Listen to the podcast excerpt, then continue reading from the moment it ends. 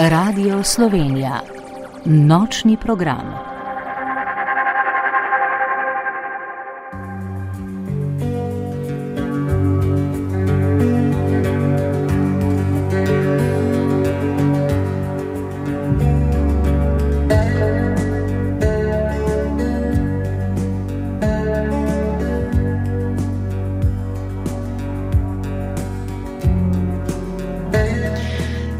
Carlos Pascual, rojen 1964. leta, je literaturo, gledališče in film študiral v rojstnem mestu Ciudad de Mexico in v Los Angelesu v Kaliforniji.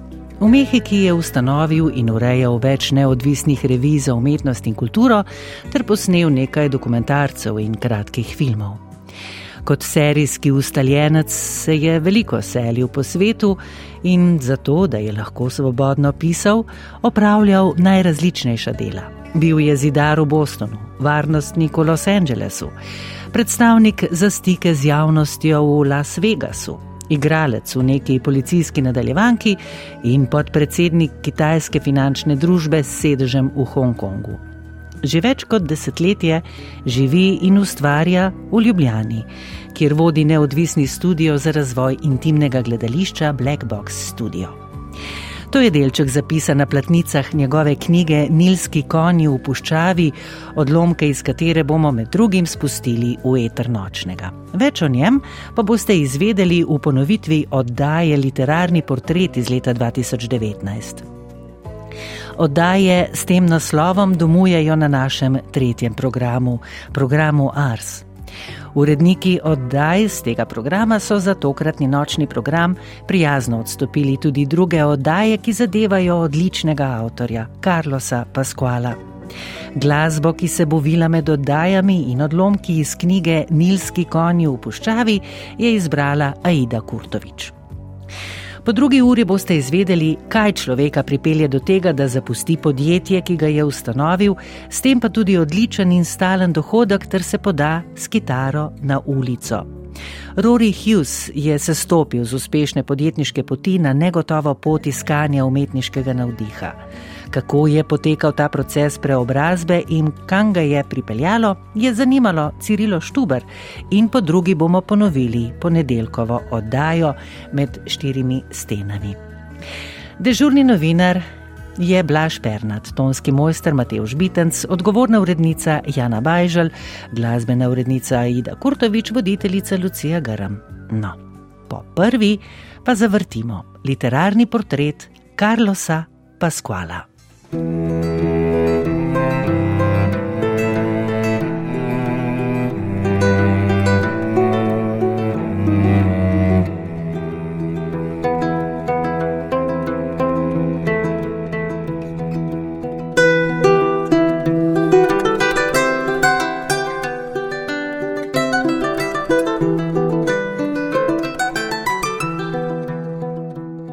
Koncu prvega desetletja v novem tisočletju je v Ljubljano prišel Carlos Pascual, mehičan iz Ciudad de Mexica in tu tudi ostal. Meščani so ga srečevali na njegovih poteh po starem mestnem jedru, v kavarnah in parkih. Včasih peš, včasih na kolesu. Nekateri so visokega črnolasega moškega z izrazitimi obraznimi potezami opazovali oddaleč, nekateri so se z njim zapletli v pogovor, Nekateri so postali njegovi znanci in prijatelji, nekateri pa so vstopili v zapise, ki jih je leta 2010 začel objavljati v objektivu, prilogi časnika Dnevnik in v reviji Literatura.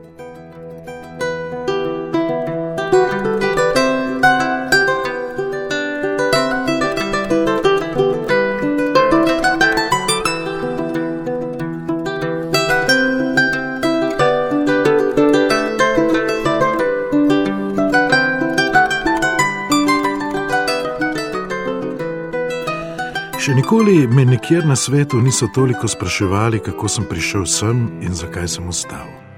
V Sloveniji ta vprašanja predvsej ustrajno postavljajo, ne le meni, vse čas, vedno znova slišim, kako jih postavljajo tudi drugim tujcem. Gre za nekakšno nejevero, pomešano s sublimiranim ponosom. Številni ne morejo razumeti, kako da se nekdo, ki bi lahko brez težav prebival v New Yorku, Londonu ali Barceloni, odloči, da bo živel v Ljubljani. Brez obveznosti, ki bi ga prisilili k temu. Moje bivanje tukaj ni izseljensko, to moram pojasniti. Je počasni turizem. Kdor se izseli, ponavadi išče boljšo prihodnost zase in za svoje potomstvo. V Ljubljano nisem prišel iskat boljše prihodnosti, pripotoval sem in se naselil, da bi našel boljšo sedanjost. Prav tako ne morem govoriti o izgnanstvu ali begunstvu, ki je toliko strašnejše, če je neprostovoljno. Lahko rečem, da se v rednih časovnih intervalih že 20 let odmikam od svoje dežele, da bi jo lahko z primerne razdalje natančneje opazoval, kakor se ponovadi odmaknemo od obraza ali slike, da bi jo razločneje videli. V Slovenijo sem prišel pred dobrimi sedmimi leti zaradi mešanice na ključi in zanimanja. Delno sem prišel zato, da bi poiskal obrise Jugoslavije, po kateri sem vedno hrepenel in je nikoli nisem spoznal. Prišel sem poiskat balkanskega duha, ki ga v Latinski Ameriki nasplošno spremlja Bregovičeva zvočna podlaga, vodi pa Kusturičev scenarij. Kako daleč od vsega tega sem se znašel. Občasno sem se sicer spotaknil ob nekatere poteze tiste Jugoslavije, ki sem si jo predstavljal, in srečeval posamične prikazni tistega duha, tudi Slovenija ni utelešala epicentra tistega, kar sem v življenju iskal. Življenje je tisto, kar živimo, medtem ko iščemo druge stvari, bi znal pripomniti kakšen razsvetljen duh na Facebooku. V Sloveniji sem našel precej homogeno, alpsko živo glavno mesto, ki je prijaznejše in toplejše, kot si upa verjeti. Je pa tudi bojazljivo, zadržano in ljubosumno, utrjeno od svojih skrbi in dvomov, oslabljeno in osiromašeno zaradi zaverovanosti v svoj prav in državno zaščito. Tako piše Carlos Pascual v besedilu z naslovom Ljubljanska tla stresa samo avtobusni javni promet. Najdemo ga v knjigi, ki jo je naslovil O sluškinjah, visokih petah in izgubljenih priložnostih. Izšla je leta 2015, leta 2016 pa je bila dopolnjena in natisnjena v novi različici. Že to, da je bila prva izdaja razprodana, priča o tem, da ima Carlos Pascual marsikaj povedati in da to slovence, o katerih med drugim piše v knjigi, zanima. Jani Virk, pisec spremne besede, pravi. Karlosova knjiga o sluškinjah, visokih petah in izgubljenih priložnostih slovenskemu bralcu v barvitih osebnih in autobiografskih linijah kot tudi s širokim sociološko-kulturološkim pogledom, posreduje odličen kaleidoskop kulturne zgodovine Mehike in njene sedanjosti. Hkrati je ta sedanjost upeta v širši globalni okvir in potuje proti stiku s Karlosovo drugo domovino Slovenijo gledajo s prizanesljivim pogledom diskretnega popotnika, kot pravi sam, počasnega turista, ki ima čas za opazovanje in v svoji lucidnosti kmalo dobi jasen pogled v deželo, po kateri se potika.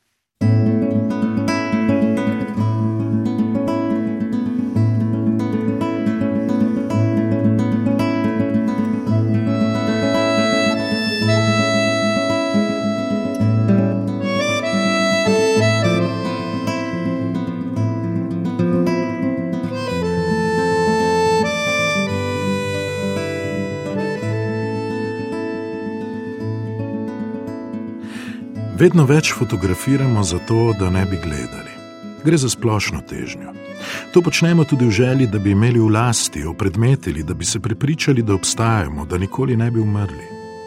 Mar pri tem ne gre le za našo potrebo, da bi si zagotovili, da obstajamo? Zaradi nje na milijone ljudi na tem svetu obrača kamere proti sebi. Dajmo se fotografirati pred spomeniki ali zgodovinskimi stavbami, da bi sosedom in prijateljem dokazali, da smo bili tam, ali pa ženam, da nismo bili kje drugje. Pa tudi zato, da bi se izmerili in izkazali za izvirne v primeri z resničnostjo, ki jo je mogoče preveriti na Wikipediji ali na Google Earthu. V Ljubljani vidim turiste, ki vsakokrat, ko najdejo kotiček komaj vreden fotografije, pospešijo korak. Mislim, da je to najnovejša definicija vic. Potovanje je vredno toliko, kolikor fotografskih možnosti nam ponuja. Če ne prislonimo fotografskega aparata k obrazu, še nismo prispeli. Strošek potovanja ni popolnoma upravičen. Fotografiramo, da ne bi gledali, gre za splošno tangento. Resničnost brez fotografskega okvira, televizijskega ekrana, brezplatna ali računalnika lahko povzroči vrtoglavico. Nočemo prevzeti odgovornosti, da bi gledali, da bi resničnost razbirali. Fotografija to odgovornost predstavi za nedoločen čas. Slavoj Žižek pravi, da smo si vse od začetka videorekorderjev začeli kompulzivno ustvarjati zbirke filmov. Že preprosto dejstvo, da smo si presneli film, nam daje občutek, da ga poznamo in da smo že razkrili in znova zarisali vse njegove mehanizme. Dejstvo, da smo nekaj zaprli v kapsulo, nam omogoča nekaznovano božansko vedenje negledanja. Ko srečamo koga, ki ga že zelo dolgo nismo videli, smrtni, eksistencialni strah, da resnične razsežnosti dogodka ne cenimo dovolj, zbledi že s prvo fotografijo. In šele ko vsak naredi svojo in naj jo fotografira tudi tretji, srečanje zares lahko razglasimo za uspešno. Tako hodimo skozi življenje s pomirjeno zavestjo, da smo ga živeli v vsej njegovi polnosti in veličini, ali pa da smo to odgovornost vsaj predstavili za nedoločen čas. Fotografija nas znova ustavi v okvirjen svet. O njem nam govori z drakoničnim vključevanjem ali izključevanjem. Vedno več fotografiramo, da bi upodobili neko predstavo. Trenutke poskušamo spremeniti v večne in jih osamiti v vrtincu kaosa, ki nas obkroža.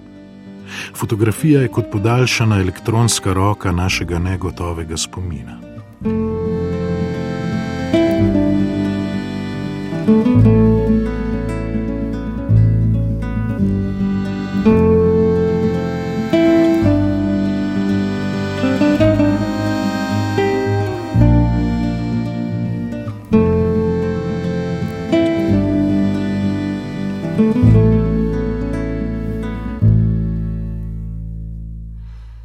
Carlos Pascual se je rodil leta 1964 v Ciudadu de Mexico.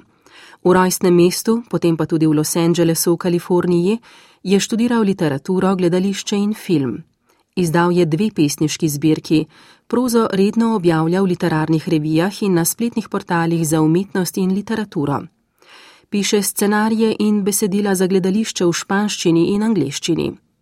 V Mehiki je ustanovil in urejal neodvisne revije za umetnost in književnost, posnel je nekaj dokumentarnih in kratkih filmov.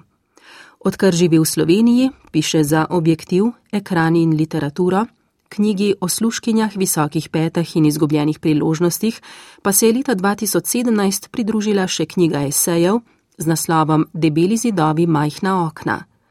Zakaj tak naslov? Carlos Pasquali je v pogovoru s Tadejo Krečič povedal.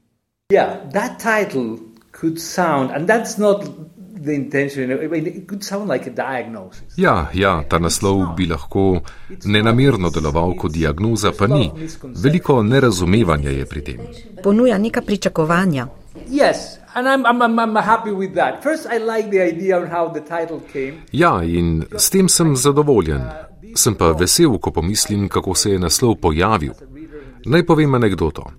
Rok, prijatelj, ki sem ga srečal kot enega izmed svojih bravcev na ulici, mi je v nekem trenutku napisal SMS, da se je po naključju znašel v mestu, v katerem sem živel osem let prej, preden sem prišel živeti v Slovenijo.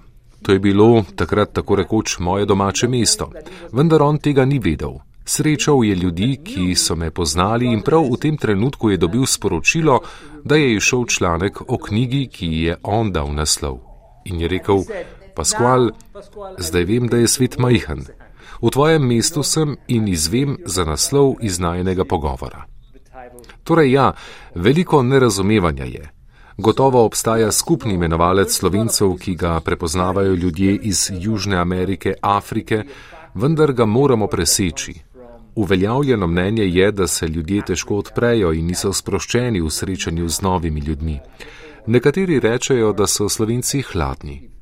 Saj sem že govoril o tem. Ne gre za temperaturo ali pomankanje toplote ali pomankanje umetnosti, pač pa mislim, da gre za nekakšno sramežljivost kot potezo, ki je za nas morda težko razumljiva, ampak nasplošno je naslov tak, kot da bi tujec rekel: Ja, res je, taki so, debele stene, majhna okna, vendar na koncu koncev mislim, da ni tako. Oh, yeah, That's true.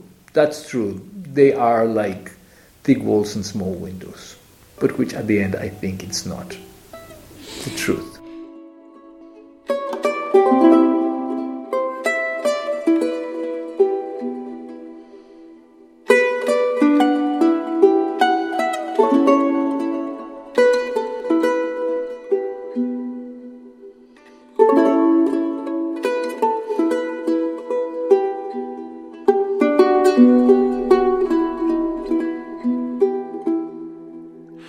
Nekega jutra v mestu, v katerem sem na poti od stanovanja do galerije vsak dan začel vsaj deset pogovorov, sem imel tudi to srečo, da sem spoznal človeka, ki je zbujal ptice.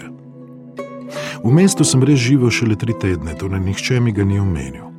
Takrat sem preživljal obdobje nespečnosti, zato sem imel navado hoditi po zapuščenih z granitnimi kockami tlakovanih ulicah tistega mesta okoli petih zjutraj. In nekega dne, ko sem se usedel v mestni park in razmišljal, ali pa sem si preprosto prišel raztegniti noge, sem ga videl, kako se spušča po eni izmed kačasto zavitih ulic. Prikorakal je v park, odložil na hrbtnik za klop in izvlekel dolgo palico, ki jo je hranil skrito za enim izmed smetnjakov.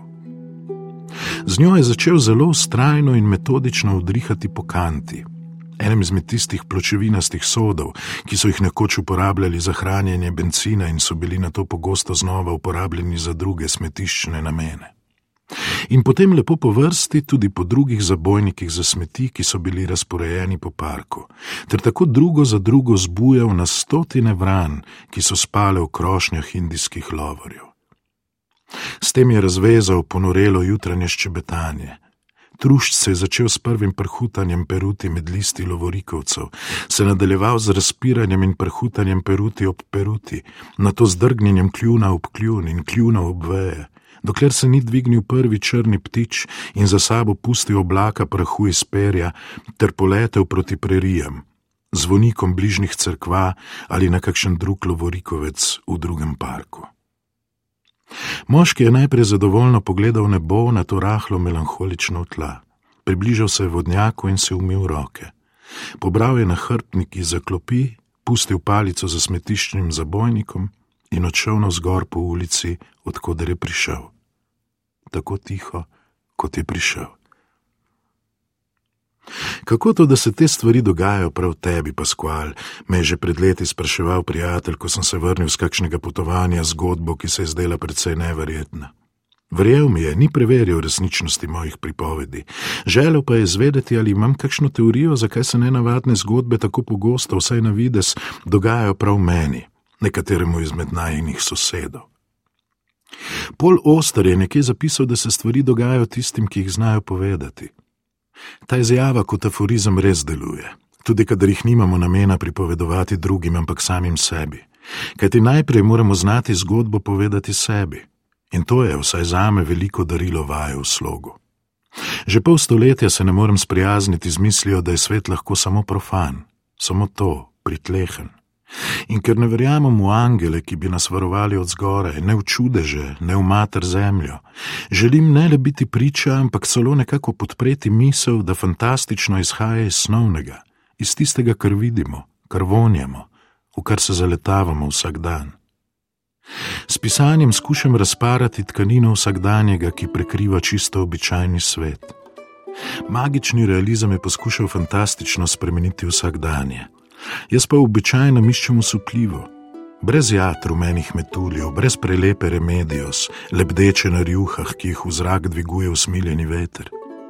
In Slovenija ter njen vsakdanjik, v katerem se vsaj na prvi pogled ne dogaja nič izjemnega, sta postala moj največji izziv. In če človek želi najti fantastično, izjemno, osupljivo, mu pri tem pogosto pomagajo nerazumne odločitve.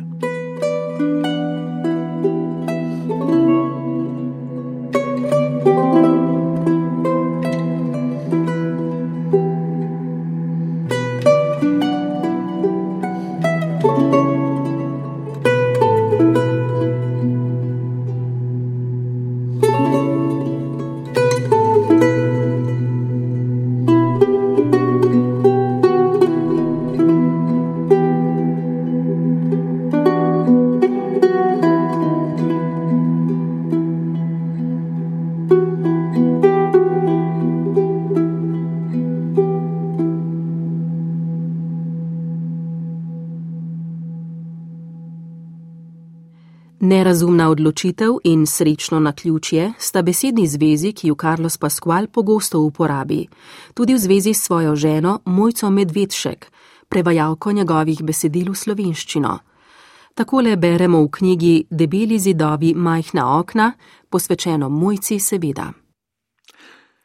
Srečno naključje je hotelo, da sem v tej deželi srečal žensko, ki mi je v roke položila svoje srce in življenje, in ki je svojim navdušenjem iz mene naredila slovensko-mehiškega pisatelja, ki se je najprej zaljubila v moje zapisane besede in v imenu te ljubezni postavila na kocko svojo stanovitnost in trdnost svoje družine, in ki ji je uspelo stkati čudežno ves, s katero so moje besede lahko nagovorile in morda prevzele slovenskega bravca z vsakim esejem in zapisom posebej. Ta knjiga je tudi njeno delo, ker ti besede, ki jih bereš, dragi bralec, so njene, ne moje. In to je del polomije, ki deloma določa moje bivanje med slovenci, in na vse zadnje tiči tudi v tem, da se nisem mogel pridobiti niti površnega znanja jezika svojih bravcev. Toda bravce imam in to srečno dejstvo dolgujem neki odpovedi, srečnemu naključju in vrsti nerazumnih odločitev. Zato pišem.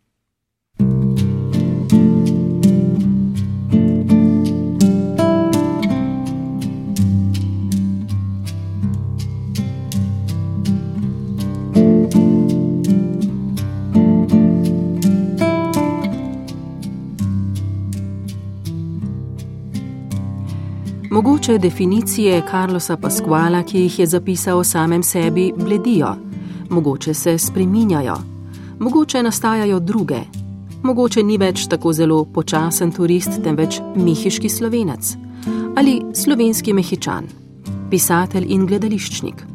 Vedno bolj od tod kot od tam. Tudi zato, ker je v središču Ljubljane na dvorišču Rimske ulice 2 ustanovil studio Pocket Theater v katerem prireja gledališke delavnice ter gosti predstave in koncerte. Je namreč kritičen do tega, da vsak, ki se v Sloveniji ukvarja z umetnostjo, pričakuje državni denar. Za svojim gledališčem stoji sam. Nekateri imajo BMW-ja, jaz pa gledališče, je pojasnil. Življenje preseneča. Karlosa pa skvala še posebno, ker zna to videti in tudi zapisati in preseneča vse, ki njegove zapise berejo, z njimi izmenjujejo misli, čas in naklonjenosti.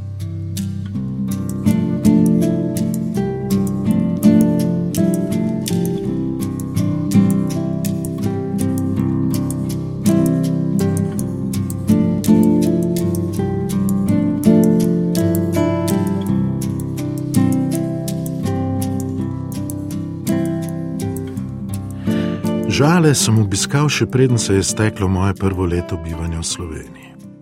To sem storil brez posebne želje po obhajanju pokojnikov. Na 1. november, torej na dan, ko se ljubljančani in ljudje iz okoliških krajev zgrnejo na žale, da bi uredili grobove, prižgali sveče in se tako čim bolj dostojno poklonili svojim mrtvim. Šele ko sem jih obiskal tretjič ali četrtič, sem si zares ogledal arhitekturno postavitev vežic in vstopil skozi plečnikov monumentalni vhod. Tako slab popotnik sem. Od tedaj se na žale vračam vsaj enkrat na leto. Najprej me je pritegnil tukajšnji ritual obhajanja smrti, in ko se je moje življenje začelo prepletati z lokalnim prebivalstvom, sem prenehal biti samo gledalec, opazovalec utečenih rutin, ampak sem začel zelo svojevrstno in osebno obhajati nekatere pokojnike in hoditi na določene grobove. Nenavadno, tudi resnično je tudi to, da sem prav tam na žalah pod majhno cipreso ob grobu v mislih sklenil za obljubo, ki od tedaj določala in še vedno določa moje življenje. Še pozneje, ko sem žale obiskal že šestič ali sedmič in potem, ko je slovenski zdravnik, gastroenterolog, pri meni odkril znake, ki so nakazovali možnost tumorja na področju trebušne votline, sem začel resno razmišljati o tem, da bi bilo lahko moje telo pokopano na osrednjem ljubljanskem pokopališču. Tisto popovdne sem se usedel na jaso in se spravil z idejo, da bodo moji posmrtni ostanki pokopani v tej zemlji.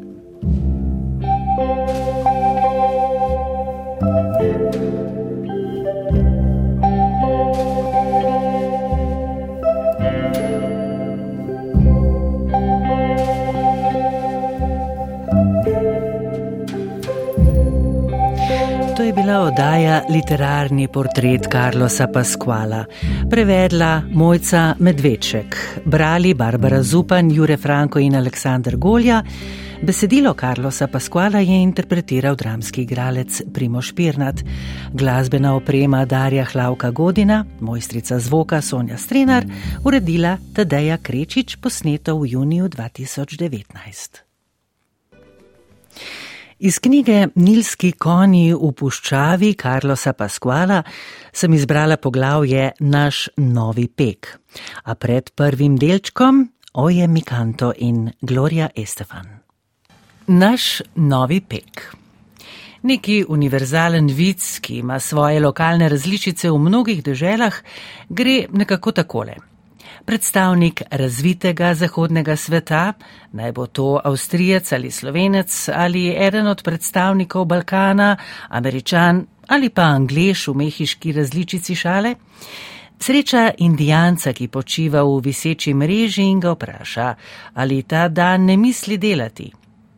Sem že oddelal svoje, mu odgovori indijanec. A tako? In kaj počnete? ga vpraša obiskovalec. Ribič sem, mu odvrne indijanec in opazuje galeba, ki kroži nad palmami. Aha, ste šli loviti, ni bilo ulova? Ne, kje pa, mu odgovori ribič, ki si je začel lupiti mango. Danes so ribe kar same skakale v čovn. Ah, dajte no, se začudi tujec. In zakaj ste prenehali z lovljenjem? Ker sem za danes ujel dovolj.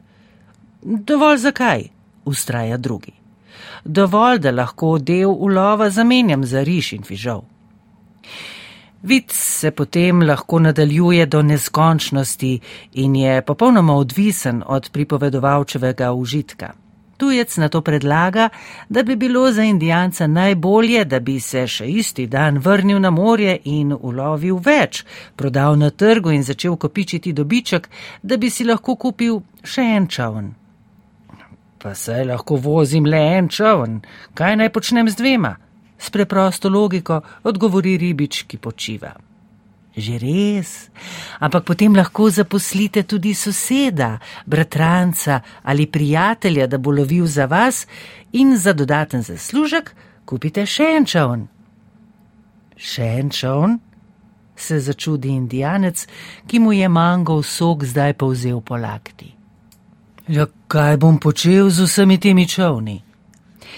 Ko boste imeli svojo floto čovnov, boste samo še gledali, kako drugi delajo za vas in počivali.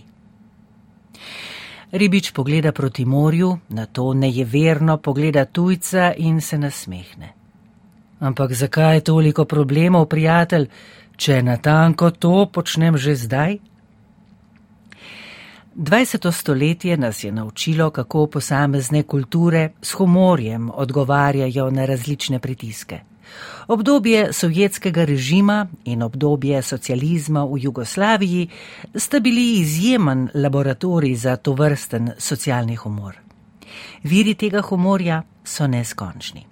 Občasno nas sicer otresejo teže vsakdanika, a nam obenem tudi onemogočajo, da bi se soočili s tistim, kar bi lahko izboljšalo naše bivanje.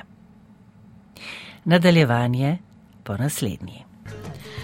Oče neke moje prijateljice tukaj v Sloveniji je prepričan, da so izvor vsega slabega v tej deželi številni tujci, ki v njej prebivajo.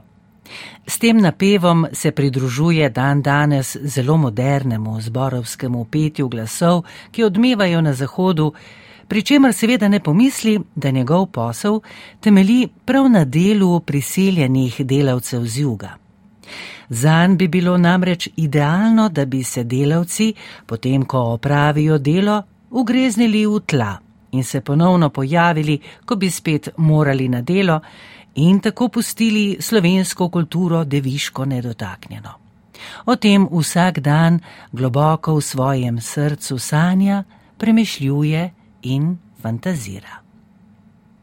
Se veste, po naslednji.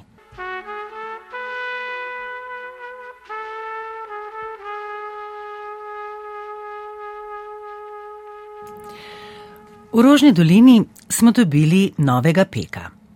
V naši četrti je pojav malih novih trgovinic na splošno izjemna redkost. Zadnja je bila, kot mnogo predhodnih, slabo načrtovana, preveč je bilo vloženega v skrbno izbrano notranjo opremo in premalo v stik z realnostjo. Obstala ni niti leto dni. Naša nova pekarna se je pojavila kot prva znanilka pomladi, kakor zvonček, ne da bi kdorkoli kaj slutil. Kar naenkrat je odprla svoja vrata. Sosedje so se kmalo zganili in se z njo hitro povezali.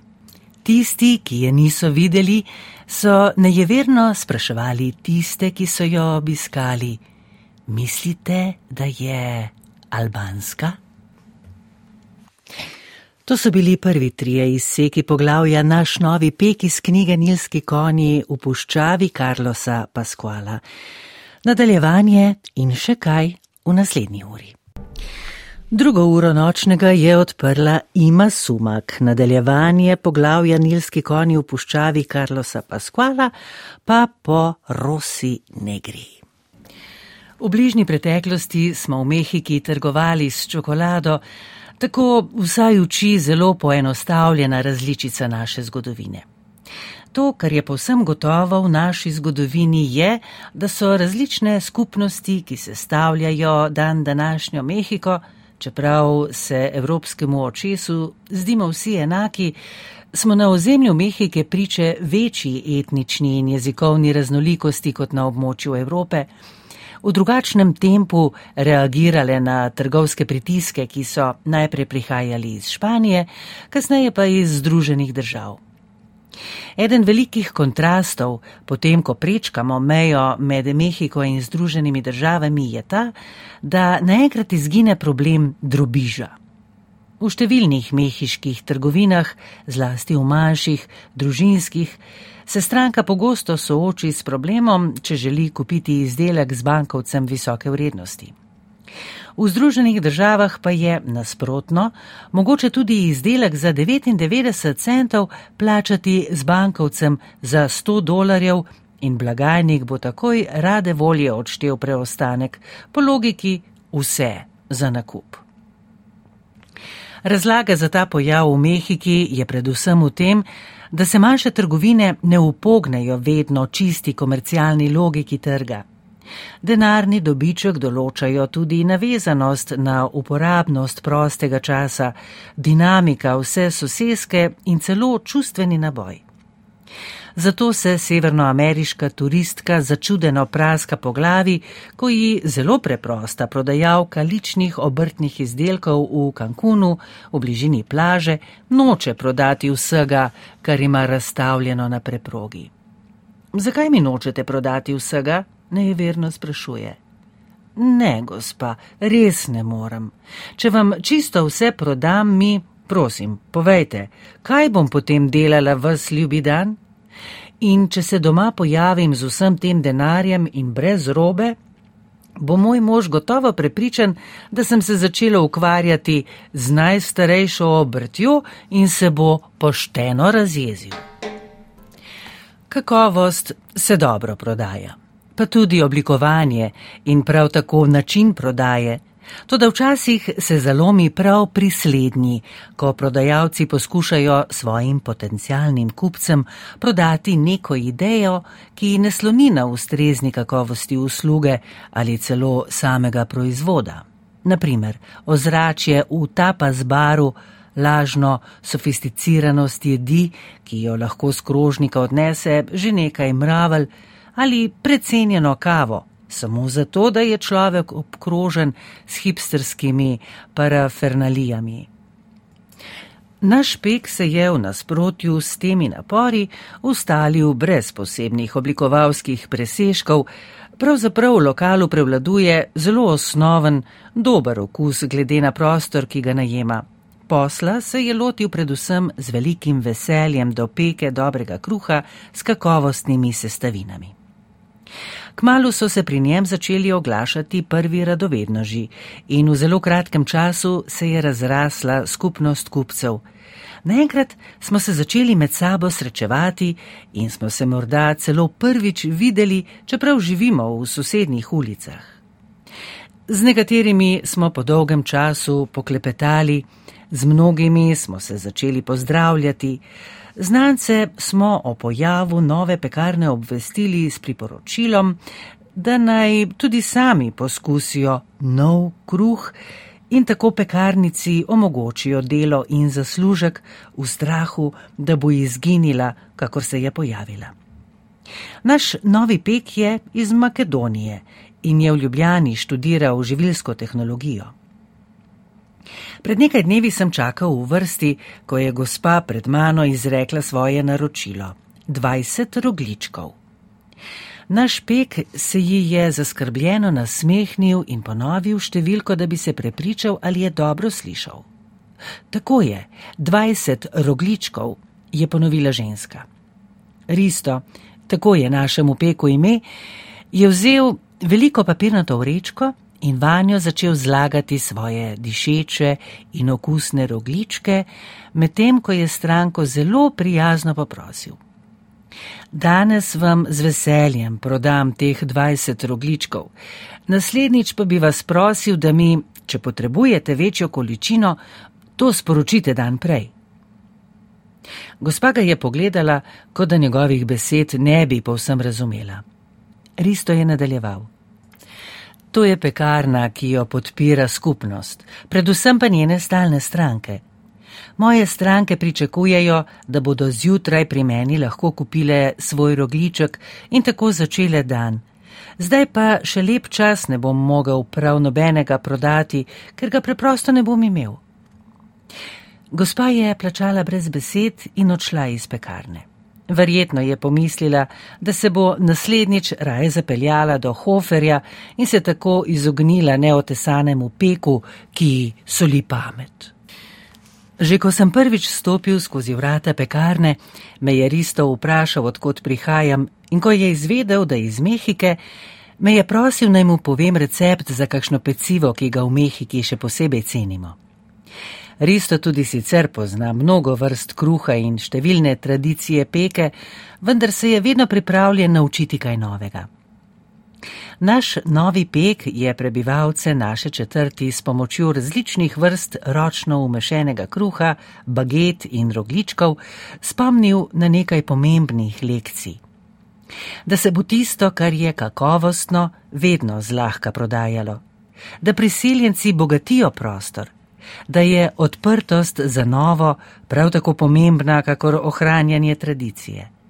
Da trg in kapitalizem delujeta veliko bolje, če sta del skupnosti in da sam dobiček ne deluje le v svoji logiki izoliranosti, temveč tudi takrat, kadar je vključen v razmišljanje o skupnem dobrem.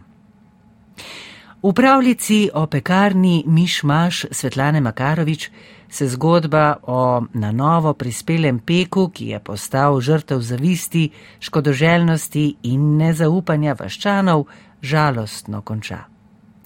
Na srečo se to v Rožni dolini trenutno ne dogaja.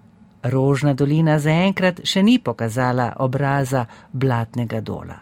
Zato dobrodošel v naši četrti Rim.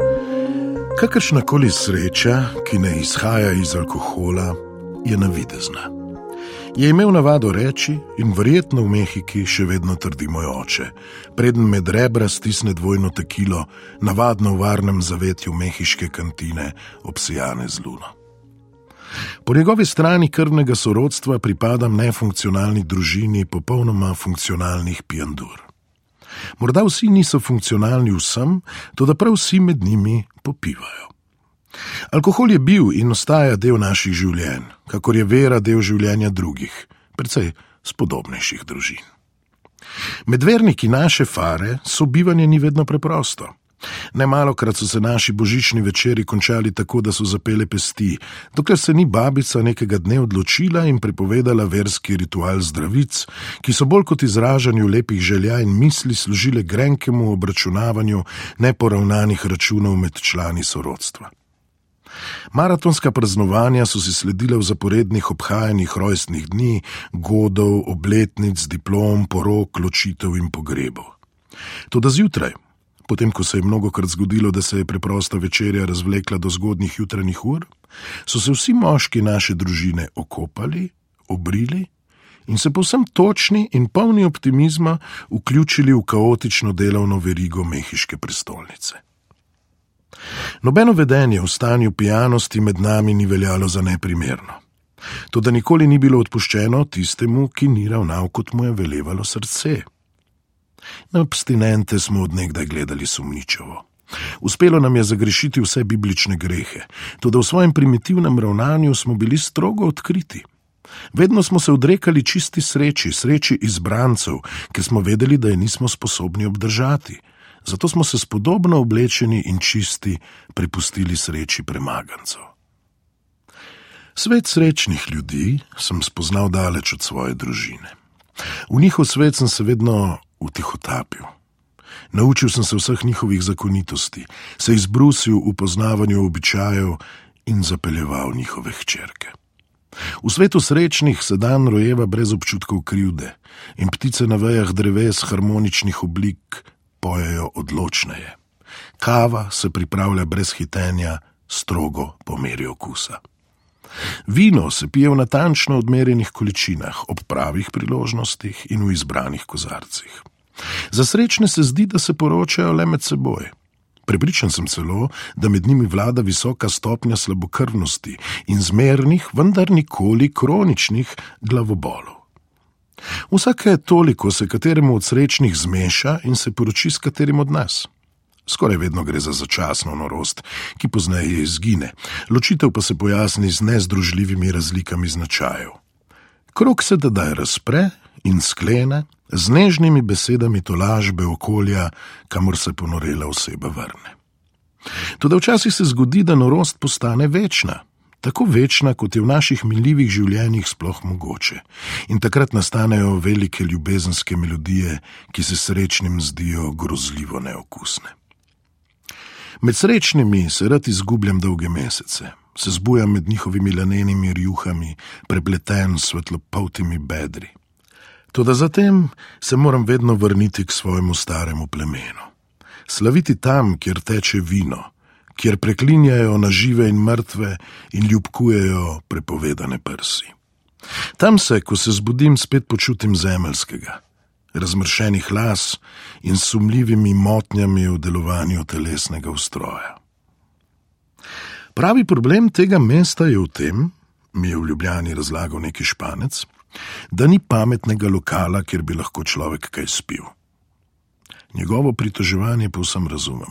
Španija je, tako kot Mehika, ena tistih dežel, kjer dobro razumejo, da je za urejanje tako primarne potrebe, kot je iti na pijačo ob kateri koli uri dneva, treba zastaviti vso zgodovino, kulturo in zdravo človeško pamet, brez katerih se ne da ustvariti to vrstnih svetišč. Mislim, da moramo problem v Sloveniji iskati predvsem v kulturi krivde in etiki dela. V teh krajih bodo na tistega, ki gre okoli pol dneva na pijačo, gledali kot na marginalca, provokatorja, priseljenca ali umetnika. Grimasa, ki mi jo uspe izvabiti na obraz slovenca vsakokrat, ko priznam, da grem na pijačo okoli pol dneva, je skoraj enaka tisti, ki jo prikličem, ko mu kmalo zatem povem, da grem po kosilu na siesto. Sedem let življenja v Ljubljani je iz mene naredilo zmernega pivca, skoraj abstinenta in skoraj Avstrica. Mislim, da so za to krivi slovenski bari. Razumem, da je farmacevtska industrija stroga v procentih in natančna pri sestavinah svojih izdelkov. Toda ali morajo res vsi lastniki barov v Ljubljani pri mešanju koktajlov uporabljati mere? Znamenite aluminijaste merice se mi zdijo zelo uporabne v turističnih in hotelirskih šolah. Njihova obvezna prisotnost v javnih gostinskih lokalih pa se mi zdi škandalozno diletantstvo. Klientela, ki s svojo prisotnostjo to vrstno ravnanje še naprej odobrava, nam s tem ne govori nič drugega kot to, da ni prišla uživati v pošteno postreženi pijači, temveč se je prišla nastaviti teži avstro-ogrskega imperija in nekaj odmerjenim strelom v tilnik.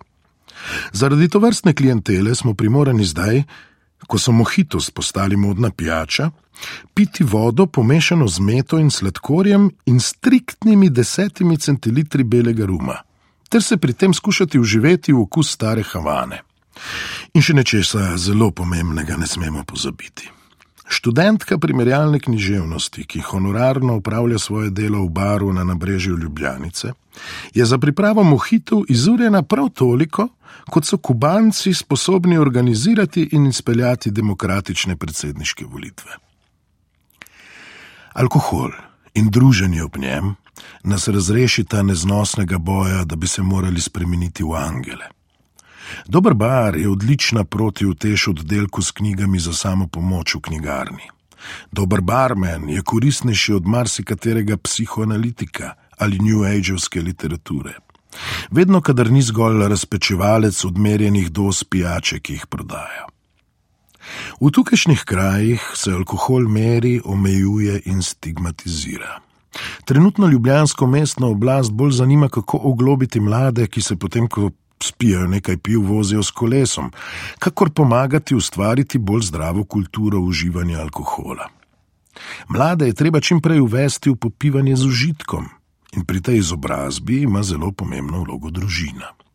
Pričemer se prepovedovanje vstopa Dionizu na življenjski banket ne zdi najboljša strategija. Vzgoja mladih v kulturi pitja je preveč zabavna in preresna stvar, da bi jo prepuščali slabim barom in nočnim policijskim patruljam. Sam bom v Ljubljani nadaljeval iskanje idealnega kraja, kamor bom lahko odšel na pijačo. V mislih nimam obstoječih barov, ki so prekopirani od drugot, angliških pubov ali mehiških kantin. V mislih imam prostor odmaknjen od družbe srečnih. Prostor, kjer bi lahko pogrešal prijatelje, ki jih nimam ob sebi, kjer bi se lahko spomnil, kako dobro lahko duhu dene vležana tekila, ko je sonce še visoko na nebu in je pred mano še veliko dela. Kraj, kjer bi lahko za trenutek spustil roke in si odpočil od nenehnega boja, da bi bil koherenten, celovit in produktiven. Kraj, kjer bi lahko obhajal staro družinsko verovanje in se osvobodil zahteve, da postanem veliki arhitekt svoje usode. Kraj, kjer bi lahko ob pijači, ki bi jo pripravil izurjen barmen brez merice, v miru opazoval, kako nad nas prihaja veliko neurje. Upam, da je bila da so bili tile prispevki v prvi in drugi uri nočne vam, radobravcem, zanimiva popotnica v nove bralne razsežnosti, ukolikor seveda pisatelja Karlosa Pasquala še ne poznate. Na branje in na slišanje ter srečno. A ja, še to. Ministrstvo za zdravje opozarja, prikomerno pitje alkohola škoduje zdravju.